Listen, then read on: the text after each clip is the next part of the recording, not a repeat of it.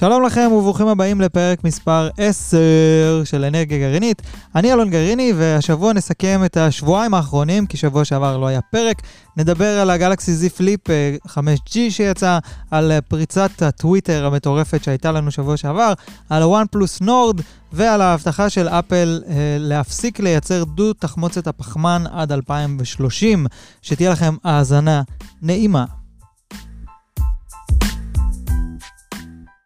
אז כן, שבוע שעבר לא היה פרק. והאמת שהפרק שבוע שעבר, בואו נתחיל מזה, היה ממש ממש נחמד, כי אירחתי פה לראשונה אורח אצלי בסטודיו, את שחר שושן, שאני מאוד אוהב ומעריך, והיה ממש ממש נחמד אה, לא לדבר רק למיקרופון, אלא לדבר לבן אדם. ואני שמח להגיד שעכשיו יש לי פה RODECast אה, Pro, כמו ש... RODECaster Pro, שזה בעצם המקליט פודקאסטים המטורף הזה של רוד, ששחר הביא איתו לפודקאסט הקודם, ולא יכלתי ולא התאפקתי וקניתי לי גם אחד כזה, אז עכשיו אני יכול להתחיל לארח אנשים בפודקאסט כמו שצריך, אז זה יהיה, זה יהיה מאוד נחמד. וכן, שבוע שעבר לא היה פודקאסט, כי היה לי שבוע מטורף, היה סופר עמוס, למרות שעלה רק סרטון אחד בערוץ, שזה כזה די, רגע, אם עבדת כל כך קשה, למה לא עלו הרבה סרטונים? אז uh, מה שקרה בעצם זה שהתקשרו אליי בתחילת השבוע מאסוס, תחילת שבוע שעבר, ואמרו לי, אה, תשמע, יש, uh, הגיעה יחידה של הרוג פון או ROG פון, רוג פון 3, uh, לארץ לפני ההשקה, בא לך לעשות איזה סרטון? אמרתי, ברור שבא לי. עכשיו, בקנה היו לי כבר את הסרטונים שעלו השבוע, הסרטון על הנאס שהייתי צריך לעלות, הסרטון על המצלמה של סוני, ועוד סרטון שאני עובד עליו עכשיו. ופתאום הייתי צריך כזה לפנות הכל ולהתחיל לעשות את הסרטון על הרוג פון הזה, ולא היה לי הרבה זמן, הוא היה אצלי יומיים וחצי. ואני לא אוהב לעשות את הסרטונים האלה בלחץ. וזה היה מאוד מאוד בלחץ, ויצא סרטון די טוב סך הכל, אני חושב, וכמובן שמה שבעיקר היה מרגש פה זה להעלות סרטון על מכשיר לפני שהוא יוצא בעולם, ולהעלות אותו ביחד עם כל היוטיוברים הגדולים, ואז לראות את ה... כמה אנשים פרסמו בטוויטר כזה. את הפיד שלהם של יוטיוב, שרואים סרטון של מרקס בראונלי, סרטון של ליינוס, סרטון של דייב טודי וסרטון של אלון גריני, ביחד על אותו, ושל יוסי מ-White 4PC, על, על ה ROG Phone. אה, וזה היה מרגש מאוד, אהבתי, אהבתי את העובדה הזאת, זה היה שווה את, ה, את ההקזת דם שהיה לי עם, ה, עם הטלפון הזה. הקטע הוא שהתוכנית אצלי בערוץ היא להעלות שני סרטונים בשבוע ופודקאסט ביום שישי. אז הסרטון שעלה ביום שני, שבוע שעבר, היה סרטון על המצלמה של סוני, ואז uh, תכננתי להעלות uh, סרטון על הענן שעלה השבוע, ביום חמישי של שבוע שעבר. ובגלל הרוגפון הזה זה לא הסתדר, ובעצם כל השלישי, רביעי, חמישי עבדתי על הרוגפון. ומה שקרה זה שבעצם ביום רביעי בלילה, אחרי שסיימתי לצלם את רוב החומרים על הרוגפון ולערוך, המחשב שלי פשוט קרס באיזה שמונה בערב, ולא הצלחתי לפתוח את ה Final Cut, הוא פשוט אמר לי, לא, משהו פה לא קורה, כל פעם שפתחתי את ה Final Cut הוא לא פתח לי את הפרויקט. והייתי בסטודיו עד איזה 11 בלילה, ניסיתי כל מיני דברים, להתקין מחדש את ה Final Cut, וכבר אמרתי לעצמי, אוקיי, כנראה שמה שאני צריך לעשות זה לפרמט את המחשב, אז התחלתי לעשות לו גיבוי, וכאילו, זה מאוד מאוד, מאוד מאוד מסריט. זה לא משהו שאני מאחל לאף אחד, לא עברתי כזה דבר, אני חושב אף פעם. בערוץ, כאילו, או עם סרטון, כאילו, היו לי תקלות בעבר, וכמובן שערכתי על Premiere, הרבה חומרים נמחקו לי, אבל ככה שפרויקט לא רוצה להיפתח זה היה מאוד מאוד מלחיץ. הלכתי לישון עם תחושה רעה מאוד, אה, ואז קמתי בבוקר ואמרתי, טוב, יאללה, בוא נלך אה, לנסות לפצח את זה.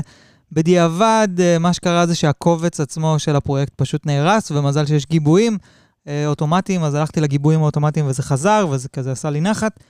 אה, ואז ביום חמישי בבוקר היה לי זמן לעבוד עוד קצת על הסרטון של הרוגפון כזה, לסיים אותו אה, לקראת השבוע, כי היה אפשר לפרסם אותו רק שבוע אחרי שעשיתי אותו, כי היה אמברגו מן הסתם ב- לכל העולם, אבל אה, הייתי צריך לסיים את הסרטון עד שלקחו לי אותו.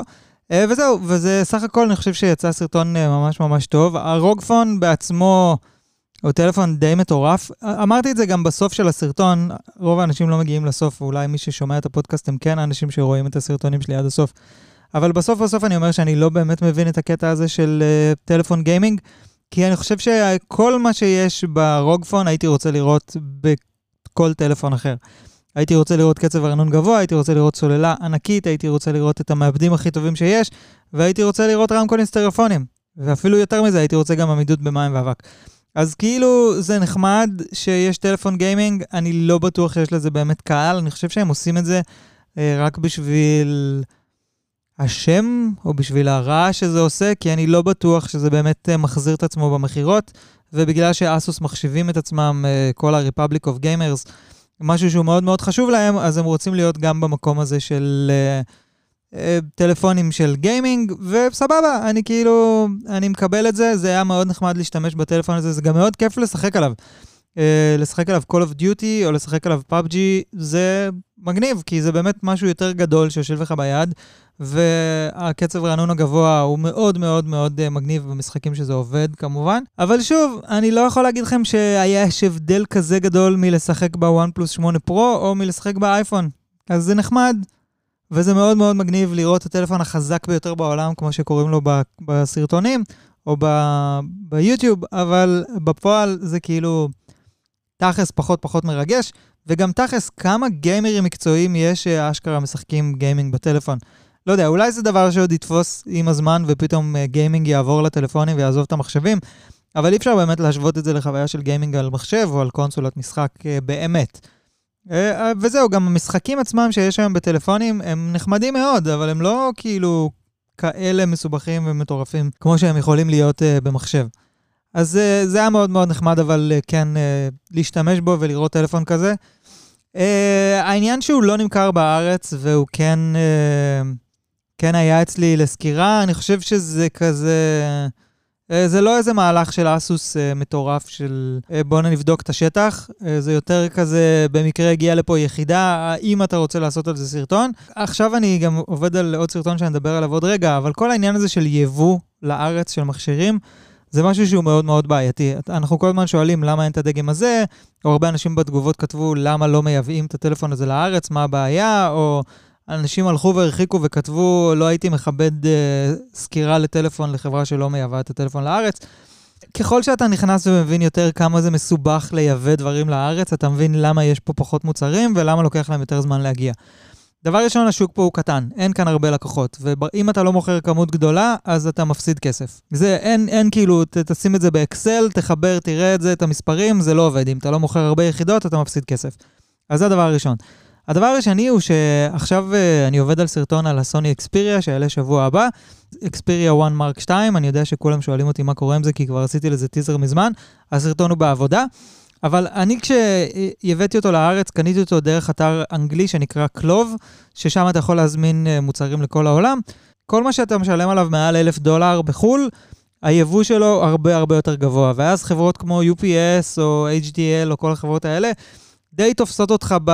סליחה על המילה, במקום הרגיש, ו... או לא סליחה, אבל תופסות אותך במקום הרגיש, וברגע שהטלפון מגיע לארץ, הם אומרים לך, תשמע, אתה צריך לשלם לנו אה, עמלת מחשב, ועמלת אה, העברה, ועמלת אה, אחסנה, ועמלת טיפול. אה, ובנוסף לזה אתה צריך לשלם כאילו מע"מ ומכס וכל מיני דברים כאלה שאתה לא לקחת בחשבון, לפחות אני לא לקחתי בחשבון. ואני סתם אתן לכם דוגמה, על הטלפון שעלה לי אה, 955 pound, שילמתי עוד 1,200 ש"ח מיסים. עכשיו, אני ידעתי שאני אצטרך לשלם מע"מ, לא היה לי שום בעיה עם זה, וידעתי גם שאני צריך לשלם איזושהי עמלה אה, לחברת שילוח. לא היה לי, בחיים לא הייתי מנחש שזה יעלה 1,200 שקל, והחברות האלה, תכלס, הן די סוחטות אותנו כי הן יכולות, כי הן יודעים שאתה בפינה. וזה היה מאוד מעצבן, אני גם חייב להגיד שהשירות שקיבלתי מ-UPS היה על הפנים. התקשרה אליי מישהי כזה ואמרה לי, אה, מה אתה רוצה לעשות? כמה אתה רוצה לשלם? אתה צריך לשלם 17, זה יהיה 20, זה כאילו הכי לא ברור והכי לא נעים. ובנוסף לזה היא גם די כזה אמרה לי, טוב, אם אתה רוצה להחזיר את זה, אז אנחנו אה, שולחים הודעה ליצרן, והוא יחליט אם הוא רוצה לגרוט את זה או לקבל את זה בחזרה. ואני כזה, רגע, רגע, מה זה? אני רוצה לעשות refund, אני לא רוצה שיגרטו את זה. אז זה ממש היה תהליך שאני לא ממליץ לאף אחד מכם לעבור.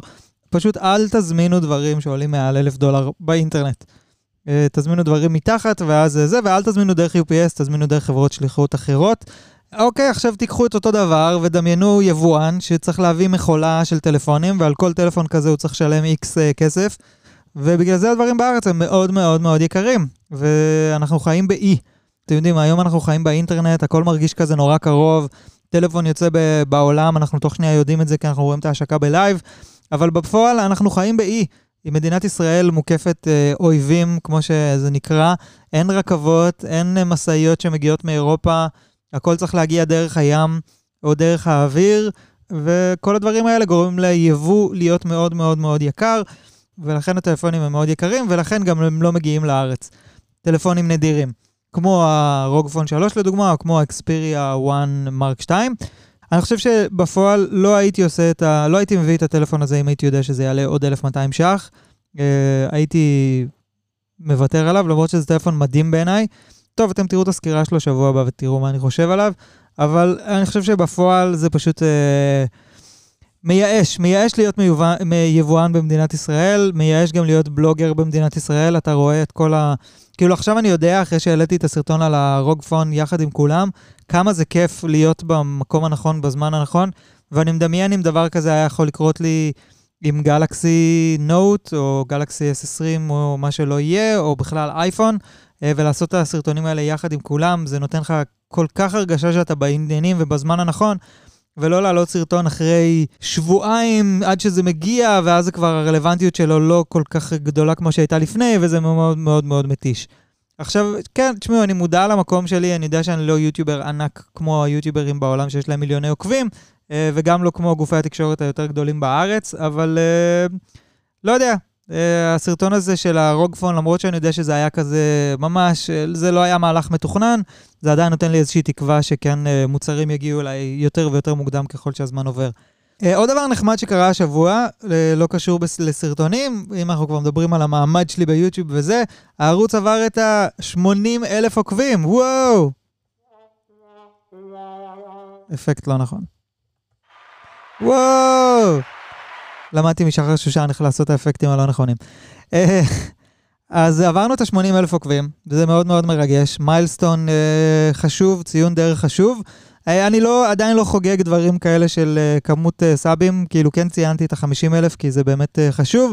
אני רוצה לשמור את ההתרגשות האמיתית שלי ל-100 אלף עוקבים, שזה...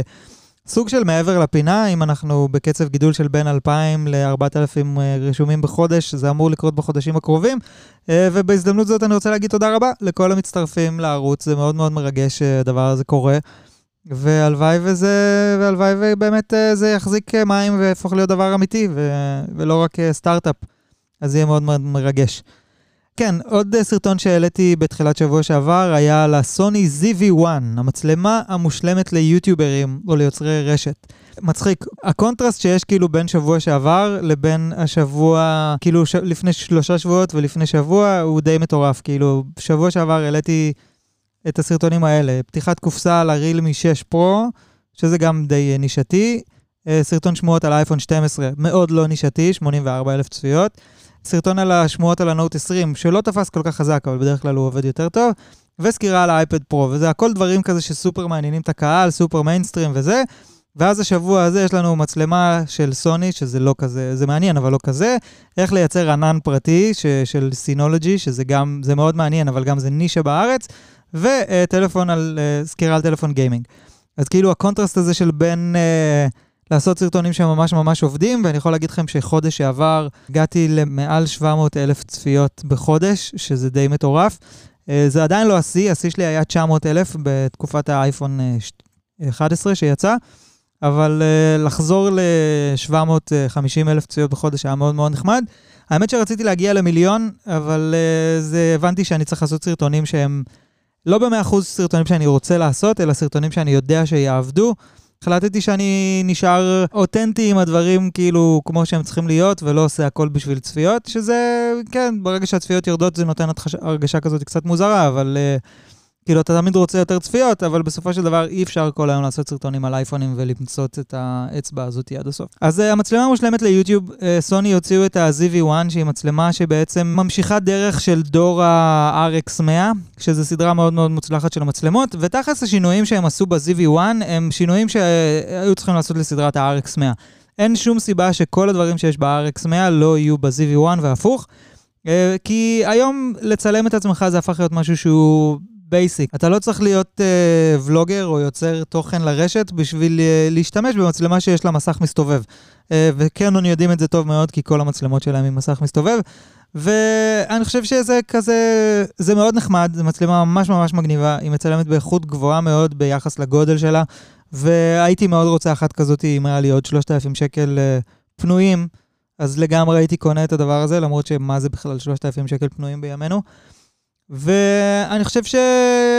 שהגיע הזמן. יכול להיות שזה אפילו טיפה מאוחר מדי. אם סוני היו עושים את זה לפני שנתיים, הם היו מוכרים הרבה יותר מהדבר הזה, כי uh, היום כבר יש הרבה יותר פתרונות, והיום לצלם ולוג עם הטלפון זה משהו שהוא הרבה יותר פרקטי ממה שהיה בעבר, והמצלמה הזאת הייתה יכולה להיות הרבה הרבה יותר רלוונטית לפני שנתיים. וזה חבל, אבל מצד שני, גם זה עדיף. כאילו, אני מדמיין לעצמי שאם בן אדם שרוצה ליצור תוכן, אה, ולא יודע מה, ולוגר טיולים או משהו כזה, או בלוגר אוכל, יכול ממש ליהנות ממצלמה כזאתי, ואז אם אתה גם רוצה שיהיה לך כזה סט קומפקטי, אז אתה לוקח את ה-ZV-1, אתה לוקח אייפד פרו, אתה לוקח מאביק מיני, אתה לוקח אייפון, ואז יש לך חבילה מטורפת שממנה אתה יכול לייצר תכנים בלי בעיה, לא תופסת הרבה מקום, הכל נכנס בתיק גב קטן כזה, ואתה לא צריך לסובב עם, מחש... עם אה, מחשבים ועניינים וסרטים וזה, ואתה... וזה, זה, האמת שזה די מדהים. תכלס, היום בן אדם יכול לנסוע עם ZV-1 כזאת להשקה בחו"ל, ועם uh, מיקרופון חיצוני ואייפד פרו, והוא יכול לייצר תוכן מטורף, ובלי לסחוב איתו את כל העולם של הציוד, שזה די מדהים. תראו את הסרטון על ה-ZV1, אני כאילו כבר החזרתי אותה לאיירליך לצערי, הייתי, הייתי רוצה להחזיר, להחזיק אותה פה קצת יותר, אבל זה לא קרה. Uh, והסרטון האחר, השלישי שעלה בשבועיים האחרונים, הוא, הוא לפני ארבעה ימים, איך ליצור ענן פרטי בעזרת סינולוגי NAS. אז uh, מי שלא יודע מה זה NAS, אז תלכו לראות את הסרטון הזה, שזה נקרא Network Attached Storage, חיבור שמחובר אחסון שמחובר לרשת, אה, טוב ריכוז. זה משהו שממש רציתי להיכנס אליו מזמן. האמת שלא ידעתי אם אני אעשה עליו סרטון, כי זה נושא שהוא מאוד נישתי, למרות שאני חושב שסך הכל הסרטון ביחס לרלוונטיות שלו הצליח לא רע, יש לו עכשיו 16 אלף צפיות. אני רציתי לעשות כזה נס, כי ראיתי צריך פתרון כזה לסטודיו, כי אני לא יכול כבר... דבר ראשון, אני מייצר מעל 10 טרה בשנה, ואני רוצה שכל החומרים שצילמתי בשנה האחרונה לפחות יהיו לי זמינים כל הזמן. וזה פשוט בלתי אפשרי, כי אפשר לקנות דיסק של 10 טרה וכל הזמן להעביר אליו חומרים, אבל זה לא נוח, וזה ממש אה, הרבה יותר נוח שיש לי עכשיו פה לידי 24 טרה שיושבים. עם כל הדברים שאני צריך אה, נגישים בלחיצת כפתור, ואני לא צריך עכשיו ללכת לחפש באיזה ארדיסק זה, איפה זה היה, איפה שמתי את זה, אה, ולא לאכול סרטים. ומעבר לזה, יש לזה עוד המון המון שימושים שלא, שאני לא באמת צריך, אבל זה נורא נחמד. כמו uh, לגבות uh, את הטלפון, את התמונות של הטלפון לענן פה בסטודיו, או כמו לשים סרטים ולראות אותם דרך הטלפון או דרך מחשב אחר, או כל מה שמחובר לרשת. Uh, וזה היה מאוד נחמד, סינולוגי uh, בעצם יצרו איתי קשר וביקשו ממני לעשות, uh, uh, אמרו לי שהם ישלחו לי את המוצר הזה בתמורה לסקירה, בגלל זה הסרטון הזה נעשה בשיתוף איתם, ובגלל זה גם יש uh, סקר בתיאור של הסרטון למי. אה, בשביל סינולוגי שרוצים להכיר יותר את מה שקורה בארץ. וזהו, אני רק חייב להגיד שזה היה סרטון שהוא להכניס אנשים לעולם של הנאס. מי שכבר מכיר את זה וכבר עבר את התהליכים הראשוניים שאני עברתי עם זה, אז הסרטון הזה לא מחדש לו יותר מדי, אבל יש לי הרגשה שהנאס נאס לא מוכר במיינסטרים יותר מדי בימינו. רוב האנשים לא באמת מודעים לאיך זה עובד ולמה זה עובד וכמה זה עובד וכמה זה שיבושי וכמה זה יתקדם. אם בעתיד נעשה עוד סרטונים על זה, על הנושא הזה, אז יהיה אפשר להיכנס לעומק יותר עם פונקציות של מה שאפשר לעשות, ואיך אפשר uh, להשתמש בזה בצורה יותר מקצועית, ואיך אפשר להרוויח מזה יותר דברים. אבל הרגשתי שבתור התחלה...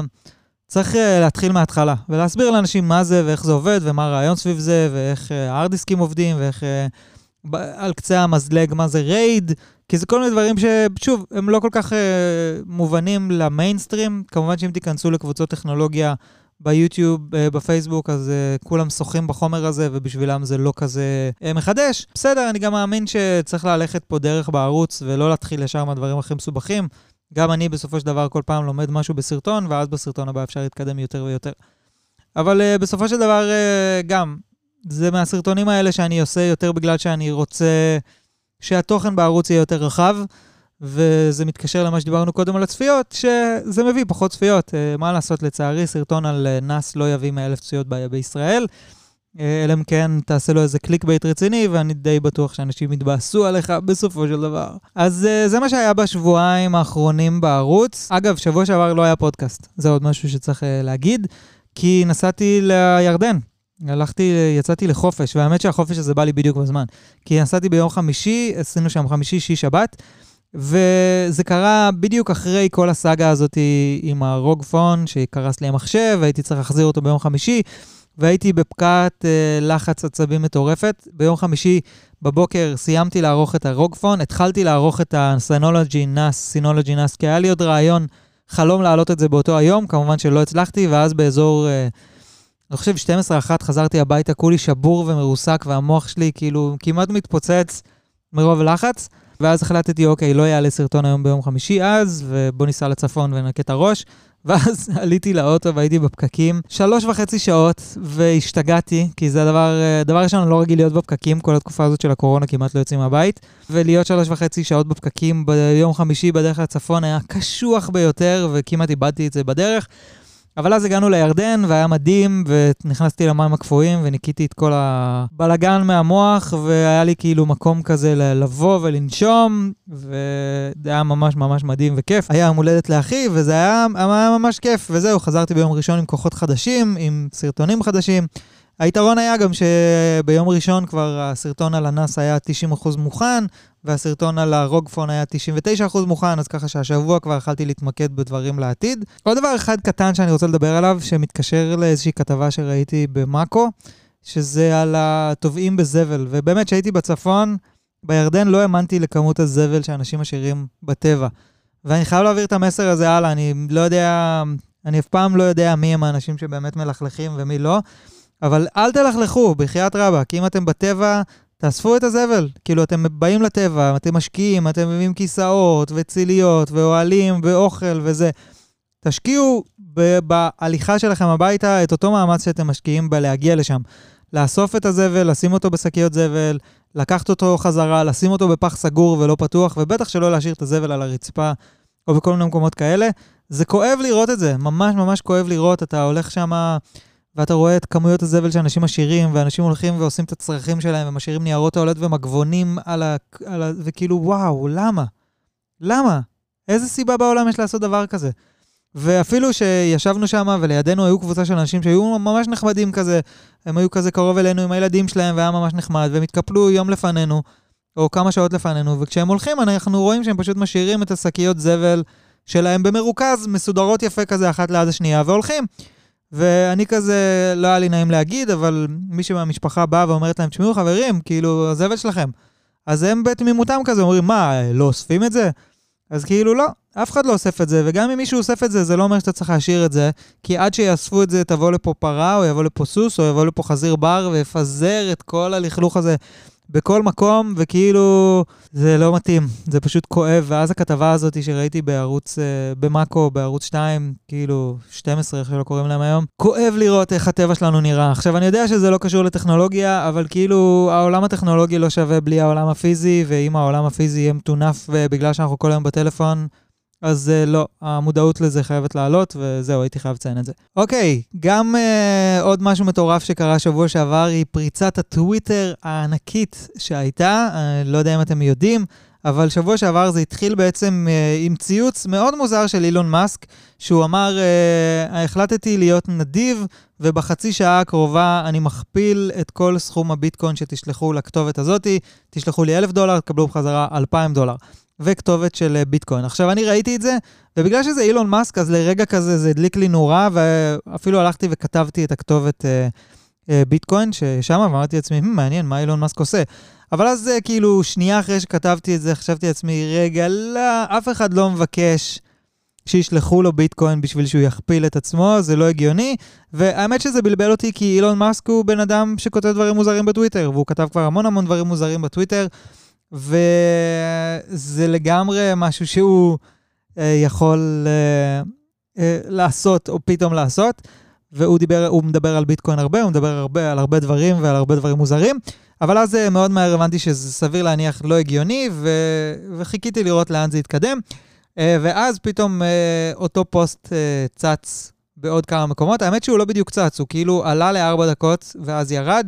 ואז הם העלו עוד פוסט uh, לכמה דקות, ואז גם הוא ירד, uh, ואז ביל גייטס העלה את אותו פוסט, ואז uh, ג'ף בזוס העלה את אותו פוסט, ואז ג'ו ביידן, שמתמודד לנשיאות בארצות הברית, העלה, וכמה חשבונות של ברק אובמה העלו, והחשבון של אפל, שלא צייץ אף פעם, שזה די מצחיק. אם תסתכלו, תראו שאין להם שום ציוץ, יש להם מיליוני עוקבים והם, והם לא צייצו שום דבר. ואז זה כבר די ברור שאנחנו מדברים פה על סכם ולא על... ולא על משהו אמיתי, ולפי הדיווחים, כמה מאות אלפי דולרים הועברו לכל החשבונות המוזרים האלה, וגם מסתבר שהכל קרה מ-IP אחד, כתובת, אותה כתובת IP. מי שעשה את הפריצה הזאת לא כל כך התאמץ להסתיר את, את המקום שממנו הוא עושה את זה.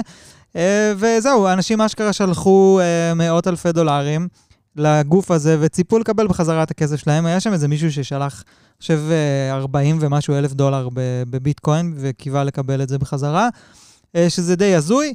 Uh, וזה בעיקר מטורף מה שזה אומר על טוויטר, כאילו, מה... היום טוויטר זה לא רשת חברתית, היום טוויטר זה במה שבה נמצאים פוליטיקאים, נשיא ארה"ב משתמש בזה באופן קבוע, חברות uh, עושות שם הכרזות, הצהרות רשמיות. היום זה תשלחו לי ביטקוין, מחר זה דונלד טראמפ uh, מכריז uh, מלחמה על סין או משהו כזה, uh, דבר שיכול להיות לו משמעויות uh, קשות, כמובן. שהוא לא באמת מכריז מלחמה, אלא מישהו יכול לפרוץ לחשבון שלו אה, ולהכריז מלחמה. התגובה של טוויטר אה, לסיפור הזה הייתה שהם אה, פשוט חסמו בתור התחלה את כל החשבונות ה-Verified, כל החשבונות שיש להם V, חסמו אותם אה, מאופציה לצייץ, שזה די מטורף, כאילו אתה אומר לעצמך, טוב, מה אני אעשה? בוא נסגור לכולם את הברז ואף אחד לא ידבר כרגע עד שנמצא את הפרצה הזאת. שזה הגיוני, כי בסופו של דבר אנשים שהם verified הם אנשים שיותר משפיעים, או חשבונות שיותר משפיעים. אבל uh, לפי מה שהבנתי, אף אחד לא יודע בדיוק איך הפריצה הזאת קרתה ומה הקטע שלה, ו... אבל זה די מדהים, אנחנו לוקחים היום ב... כמובן מאליו את הפלטפורמות האלה, וכנראה שהם uh, יצטרכו לעשות uh, עבודה יותר קשה בשביל לשמור על הפרטיות של החשבונות המטורפים האלה. אתאר לעצמי שבתוך עולם ה security באינטרנט זה עשה הרבה רעשים, אה, וחברות אחרות אה, כמו פייסבוק בטח ינסו לנצל את החולשה הזאת של טוויטר, שהיא אה, תאגיד קטן מאוד ביחס לגוגל או פייסבוק. שעדיין נוגסת להם באיזשהו מקום שהם מאוד היו רוצים להיות פה. וזהו, וזה היה, היה מאוד מצחיק ומעניין, ובסופו של דבר, כאילו, אל תשלחו ביטקוין לאנשים באינטרנט שאתם לא מכירים, חס וחלילה. אל תעשו את זה. סביר להניח שהם לא ישלחו לכם את הכסף בחזרה. הנושא הבא שלנו זה הגלקסי Z פליפ 5G. סמסונג השיקו בהודעת עיתונאות, עיתונאות את הגלקסי Z Flip 5G, שתכלס הוא די אותו טלפון, פשוט עם תמיכה ב-5G. אה, וזהו, זה קטע פשוט כי היה דיבור שישיקו אותו בחמישי באוגוסט, יחד עם ההשקה של הנוט 20, אה, ואני די מבין שכאילו להפוך טלפון ל-5G לא שווה השקה מחדש. הם גם השיקו אותו בצבעים חדשים, אבל uh, זה לא כזה מרגש או כזה מעניין. זה גם לא כזה רלוונטי לארץ, כי אין לנו פה עדיין 5G, למרות שאם שמתם לב, אז פרטנר כבר התחילו uh, לשווק את העובדה שהם מתחילים לעבוד על רשת ה-5G שלהם, כבר יצא טיזר כזה באינטרנט, ולפי מה שהבנתי גם יהיו פרסומות בטלוויזיה בקרוב, uh, שזה נחמד, סוף סוף זה קורה בארץ. בשמחה אקבל פה עמוד של 5G בחוץ, רק בשביל שיהיה לי upload יותר מהיר. זה לא כזה קריטי. מה, ש, מה שמצחיק אותי בגלקסי Z Flip זה לא קשור ל-5G. אה, אם אתם מכירים את Snazzy Labs, אה, בן אדם אה, ש... ערוץ יוטיוב מאוד טוב מארצות הברית, שהוא כזה מאוד שונה בקטע שלו, מאוד דעתני ודעות מאוד אגרסיביות, יש לו על הרבה מאוד דברים. ויצא לי כזה, היה לי את הכבוד לריב איתו קצת בטוויטר על הגלקסי Z פליפ, שאני אישית לא מתלהב מהטלפון הזה, כאילו הוא מאוד נחמד שהוא מתקפל, אבל ראיתם את הסקירה שלי עליו, את הפתיחת קופסה, זה לא טלפון שבעיניי שווה את ה-5,000 שקל, למרות שעכשיו הוא ירד ל-4,200, אבל עדיין, זה לא שווה את הכל כך הרבה כסף, כי בסופו של דבר זה גלקסי S10e שמתקפל, וזה... בסדר, אז הוא מתקפל, סבבה. עוד עשר שנים או עוד חמש שנים שזה יעלה 500 דולר, אז תגיד, אוקיי, סבבה. זה מגניב שזה מתקפל, מתקפל ועולה 500 דולר, אבל כשזה עולה אלף ומשהו דולר זה לא כזה מגניב. אז, אה, אבל Snazzy Labs מת על ה... קווין קוראים לו, מת על הגלקסי Z Flip, הוא כל הזמן מעלה סרטונים על כמה, כזה ביוטיוב, בטוויטר, כמה הוא אוהב את זה וכמה שזה טלפון טוב וזה. אה, הוא כל פעם אוהב לעשות teasing לאנשים ואז לריב איתם בטוויטר, אז אני אחד מאלה שהיה לו את הזכות אה, כזה קצת להתווכח איתו וזה. כמובן שהוא מאוד אגרסיבי בדעות שלו של מה שהוא כותב, אבל אותי זה מצחיק. אה, וזהו, אז אה, יש גלקסי Z Flip גם ב-5G, אם זה מעניין אתכם. אז אה, עוד השקה מעניינת שהייתה לנו השבוע היא השקה של ה-OnePlus Nord. זה השקה אחת המוזרות שראיתי. מה ש OnePlus עשו, זה בעצם כבר עשו לו teasing הרבה, הרבה לפני. כבר הם חשפו אותו, את העיצוב שלו, פחות או יותר בפודקאסט וסרטון של MKBHD.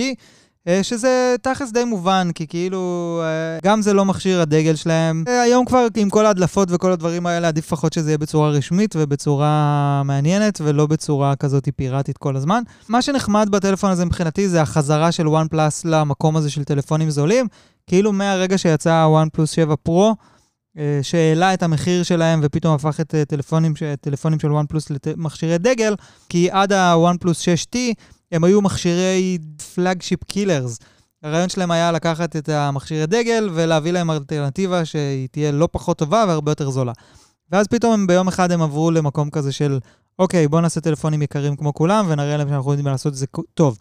והאמת שהם עושים את זה מעולה, כי ה-OnePlus 8 Pro הוא טלפון מדהים, אין מה להגיד, אני חושב שחוץ מזה שהמסך שלו נשפך לצדדים, הוא באמת טלפון uh, כמעט מושלם, ובעיניי, בין מכשירי האנדרואיד היותר טובים שאפשר לקנות היום. שוב, כשאתה מבסס את החברה שלך על זה שאתה עושה טלפונים זולים, ואז פתאום אתה נוטש את זה, וגם אפילו ה-OnePlus 8, שהוא כאילו היותר זול, לא באמת זול ביחס למה שהיו עולים פעם ה-OnePlus 6T ומטה. אז אני חושב שזה היה מתבקש שהם יוציאו טלפון זול אה, וטוב, וה-OnePlus Nord זה בדיוק הקטע שלו. אז הוא מגיע עם אה, מסך OLED אה, ב-90 הרץ, ויש לו זיכרון פנימי עד 12 גיגה ו-256 גיגה זיכרון אחסון. והמעבד שלו הוא מעבד סנאפדרגון 765G עם 5G. אני לא יודע איך המעבד הזה, האמת שאני לא שמעתי עליו יותר מדי, הוא מאוד מאוד מסקרן אותי, כי הוא גם מגיע ב-LG Velvet, שאמור להיות מושק בארץ חודש הבא. אז יהיה מאוד מעניין לראות איך הוא ייתן בביצועים, אבל בסופו של דבר זה די ברור שנגיד המצלמה שלו לא תהיה טובה כמו המצלמה של ה-OnePlus 8 Pro. זה בסדר, אין לי בעיה עם זה, כי בסופו של דבר אם אתה מדבר על טלפון זול, אז אין בעיה שהוא יהיה פחות טוב, כמובן שאין לו עמידות במים ואבק. אה, אבל עדיין יש לו מסך עם 90 הרץ, שזה מגניב מאוד. אתה מאבד את זה, אני צריך לבדוק, לראות אם הוא באמת עומד ב...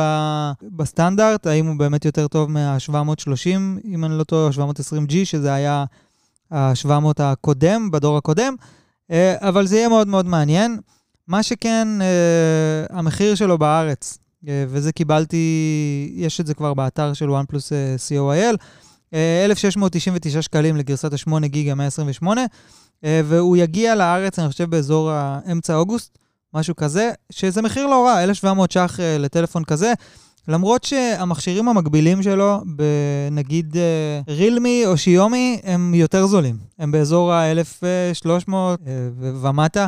עדיין וואן פלוס בארץ הם טיפה יותר יקרים, אין מה לעשות, זה עוד פעם מתחבר למה שדיברנו בהתחלה על אה, יבואנים ואיך שזה עובד. אני חושב שבסופו של דבר 1,700 ש"ח אה, מחיר ראשוני זה לא רע, ותנו לזה עוד איזה חודש-חודשיים, אולי זה ירד ל-1,500, וב-1,500 ש"ח לקנות כזה מכשיר זה אחלה. אני חושב שבסופו של דבר היתרון הכי גדול שלו יהיה, אה, זה תוכנת ההפעלה. זאת אומרת, אתה יכול לקנות טלפון מספיק חזק, עם מצלמה מספיק טובה, עם סוללה מספיק גדולה, כאילו יש מלא חברות שמציעות את זה, אבל עם תוכנת הפעלה טובה כמו של OnePlus, אין הרבה מכשירים, ו- וזה יתרון ענק. כאילו, ה Oxygen OS היא תוכנה שאני מאוד אוהב, זה אנדרואיד נקי עם נגיעה ממש טובה של OnePlus, שיודעים לעשות את זה כמו שצריך. זה יהיה שווה את האקסטרה 300 שקל uh, כשהמכשיר ירד לאזור ה-1500, זה כאילו, אם מלאים, אבל אני חושב שזה יהיה שווה.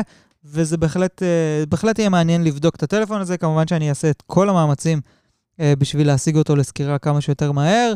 אה, אני מקווה שזה יקרה, אתם יודעים איך זה, בעולם כבר זה קרה, בארץ ייקח זמן עד שהם יגיעו, אבל אני מתאר לעצמי שזה יקרה בקרוב, בסך הכל ה-OnePlus 8 Pro הגיע באופן יחסי די מהר.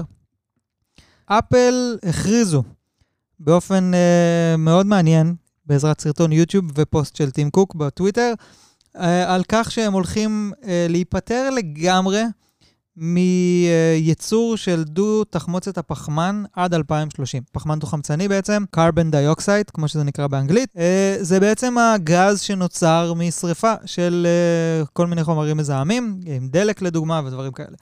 עכשיו, בתעשייה אה, יש המון המון המון המון נפט. כאילו, אנחנו מדברים על, על הבעיה של דלק וזיהום אוויר ממכוניות, ש...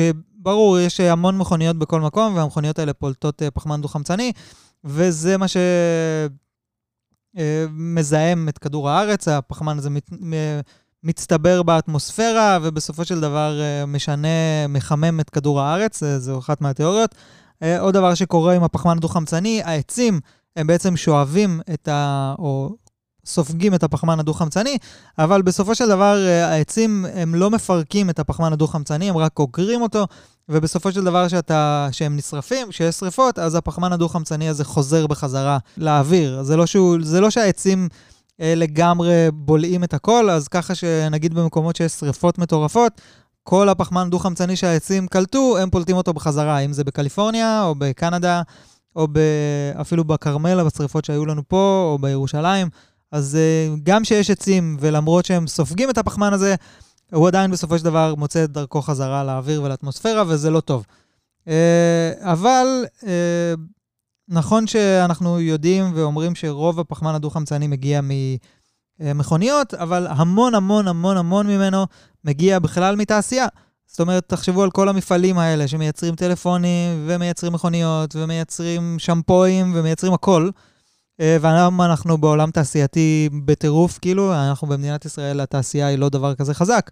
אבל אה, אם תלכו לסין או משהו כזה, תחשבו על זה שבקוריאה יש להם בעיה של זיהום אוויר בגלל שהם קרובים לסין, ולפעמים פשוט האוויר שזורם מסין מביא להם זיהום אוויר מטורף, בגלל שבסין יש כל כך הרבה תעשייה. אז uh, אפל עושים פה צעד מעניין, והם בעצם העלו סרטון ליוטיוב שמראה ילד קטן כזה, תינוק חמוד, שוכב, תינוק בן יומו כזה, שוכב על המיטה, ואבא שלו מדבר אליו ומבטיח לו שאנחנו נעשה את העולם יותר טוב עבורו עד שהוא יגדל. שזה הצד המאוד קיצ'י של הסיפור הזה כמובן. אבל uh, מה שמעניין כאן יותר זה באמת ההבטחה של אפל, uh, אני מתאר לעצמי, יעבירו את כל הייצור שלהם לייצור חשמלי וייפטרו מכל המכונות uh. אה, מייצרות אה, פחמן דו-חמצני, וזה די אה, מעניין. אני חושב שזה חשוב שחברה גדולה כמו אפל עושה מהלכים כאלה, כי... אגב, זה לא רק אפל בייצור שלה, זה כאילו אפל בכל שרשרת הייצור שלו. זאת אומרת, גם היצרנים של אפל בסין, אם הם ירצו לייצר עבור אפל, הדרישות של אפל יהיו זה שעד uh, עוד עשר שנים עכשיו לא יהיה להם מכונות שמייצרות uh, פחמן דו-חמצני. אה, וזה די מדהים, אפל חברה ענקית, יש לה השפעה גלובלית על מה שהיא עושה, הדברים שהיא עושה מובילים מהלכים בעולם וגורמות לחברות אחרות להתנהל אה, בצורה דומה. ואני חושב שזה מהלך מגניב, אני חושב שזה גם קריצה לקראת ההשקה של האייפון 12, שיגיע ללא מטען ובקופסה יותר קטנה, וכאילו כל הקטע הזה שלה לדחוף את העניין הזה שיהיה אה, יותר ירוק. עכשיו, אני לא יודע, בסופו של דבר, הטלפונים של האייפונים מיוצרים בסין. מסין אתה צריך להביא אותם לכל העולם אה, באיזושהי צורה. אה, אתה מביא אותם באוניות שהן עובדות על דלק, או במטוסים שהם עובדים על דלק, ככה שאיפשהו בשרשרת ייצור הזאת עדיין יהיה פחמן דו-חמצני באיזושהי צורה. אבל אה, כן, זה כן פותח דלת, אם זה אומר שיום אחד יהיו לנו ספינות או מטוסים חשמליים או, גר... או, אנר... או עם אנרגיה גרעינית, או-הו, עם אה, כורים גרעיניים קטנים כאלה כמו שיש בצוללות, אה, אז זה יכול להיות, אם זה יהיה בטיחותי, זה יכול להיות מאוד, מאוד נחמד. וכן, בעיקר אני חושב שזה בתכלס קריצה לקראת האייפון 12 הולך לבוא ללא מתן, וזה בסדר, כי אנחנו רוצים שהעולם יהיה יותר ירוק. אוקיי, חברים, אז זה הכל להיום. אני מאוד רוצה להיכנס יותר לעניין של האירוחים ולהביא לפה עוד יוצרי תוכן, יש כמה כאלה שאני אדבר איתם על זה בעתיד. כמובן ש... נתחיל מחבורת הטכנולוגיה הישראלית שאני מאוד אוהב, אז אני מוציא פה הצהרה רשמית לפני שאני מזמין אתכם בטלפון, שאני רוצה להזמין גם אתכם, את uh, יוסי ואת uh, uh, מישל ואת צביקה מקופטר דיל בשביל להתארח פה בפודקאסט, וכמובן שיהיו פה עוד יוצרי תוכן שהם לא מעולם הטכנולוגיה, אבל בסופו של דבר... יוצרי תוכן היום הם כולם uh, בעיניי uh, טכנולוגיים, כי היום אתה לא יכול להיות יוצר תוכן בלי להיות טכנולוג באיזושהי צורה. שבוע הבא יעלה הסרטון על ה... אני מקווה בתחילת השבוע כבר יעלה סרטון על ה Xperia Mark 2, Xperia 1, Xperia 1-2, איזה מוזר זה. Xperia 1 Mark 2, ויש עוד איזה כמה סרטונים uh, מאוד מאוד מגניבים בדרך. תודה רבה שהאזנתם, אני מקווה שהיה לכם נחמד להיות איתי פה השבוע. שבוע הבא כן יהיה פודקאסט, כמו, שאת, כמו שאני מבטיח. אז זה הכל חברים, תודה רבה שהייתם איתי היום, אני מקווה שיהיה לכם אחלה שבוע או סוף שבוע, מתי שאתם לא שומעים את זה, ואנחנו נתראה בפודקאסט הבא. ביי!